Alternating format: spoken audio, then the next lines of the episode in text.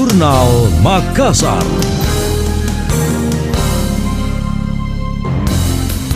Saya Emil Faris dalam Jurnal Makassar. Pemprov Sulawesi Selatan melalui Badan Penanggulangan Bencana Daerah BPBD tahun ini mulai menganggarkan logistik siaga bencana untuk seluruh kabupaten kota. Kepala BPBD Sulsel Muhammad Firda mengaku, sebelumnya buffer stok logistik untuk kabupaten kota disuplai oleh BNPB Pusat. Namun tahun ini Pemprov Sulsel menganggarkan penyaluran logistik siaga bencana lewat APBD. Firda menuturkan dari segi jumlah, alokasi lebih banyak diberikan kepada daerah yang tiga tahun berturut-turut ditimpa bencana, seperti Wajo, Luwu, dan Luwu Raya.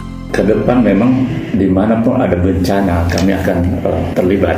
Minimal kita masih membantu logistik. Misalnya kemarin ada kebakaran di Takalar, Rumah, Makassar kemarin. Walaupun kita ada beberapa stok juga di kabupaten kita serahkan uh, termasuk Makassar, tetapi provinsi tetap membackup uh, sepanjang kita ada informasi dari Kabupaten Kota.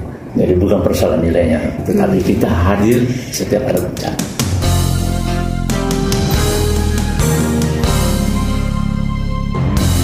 Akan tetapi meski sudah ada buffer stok di kabupaten kota, Pemprov Sulsel tetap membackup logistik. Hal itu sesuai arahan PLT Gubernur Sulawesi Selatan Andi Sudirman Sulaiman. Ia menyebut secara keseluruhan alokasi logistik yang akan disalurkan ke kabupaten kota berupa logistik pangan sebanyak 2.160 paket, perlengkapan keluarga 1.440 paket, perlengkapan bayi 1.440 paket, dan shelter kit 1.200 paket. Namun sejauh ini dari total jumlah tersebut yang tersalur sebanyak 870 paket. Sisanya itulah yang menjadi backup logistik jika terjadi bencana tidak terduga.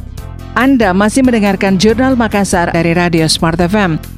Telkomsel menggelar jaringan 5G untuk pertama kalinya di Papua. Keberadaan jaringan 5G tersebut sekaligus untuk menghadirkan pengalaman digital teknologi terbaru dalam momentum Pekan Olahraga Nasional PON 20 Papua. Selama perhelatan olahraga nasional tersebut berlangsung, masyarakat serta pengunjung dapat menikmati pengalaman digital menggunakan jaringan 5G melalui gelaran showcase Telkomsel 5G Experience Center yang berada di kawasan Stadion Lukas NMB Papua. Direktur Utama Telkomsel Henry Mulyasa mengatakan, gelaran PON 20 Papua menjadi salah satu momen tepat untuk lebih memperkenalkan dan memberikan pengalaman akses konektivitas digital 5G. Inisiatif ini menjadi bagian dari upaya memperkuat ekosistem digital nasional yang inklusif dan berkelanjutan dengan menghadirkan Trifecta Digital Telkomsel sebagai penyedia digital connectivity, digital platform, dan digital services. Seperti diketahui, teknologi jaringan 5G dapat menghadirkan pengalaman akses broadband yang lebih prima dibandingkan generasi sebelumnya. Selama periode persiapan gelaran jaringan 5G di Papua, Telkomsel telah melakukan uji kecepatan jaringan 5G di Sorong. Tercatat kecepatan download hingga 1 Gbps dengan latensi 8 ms.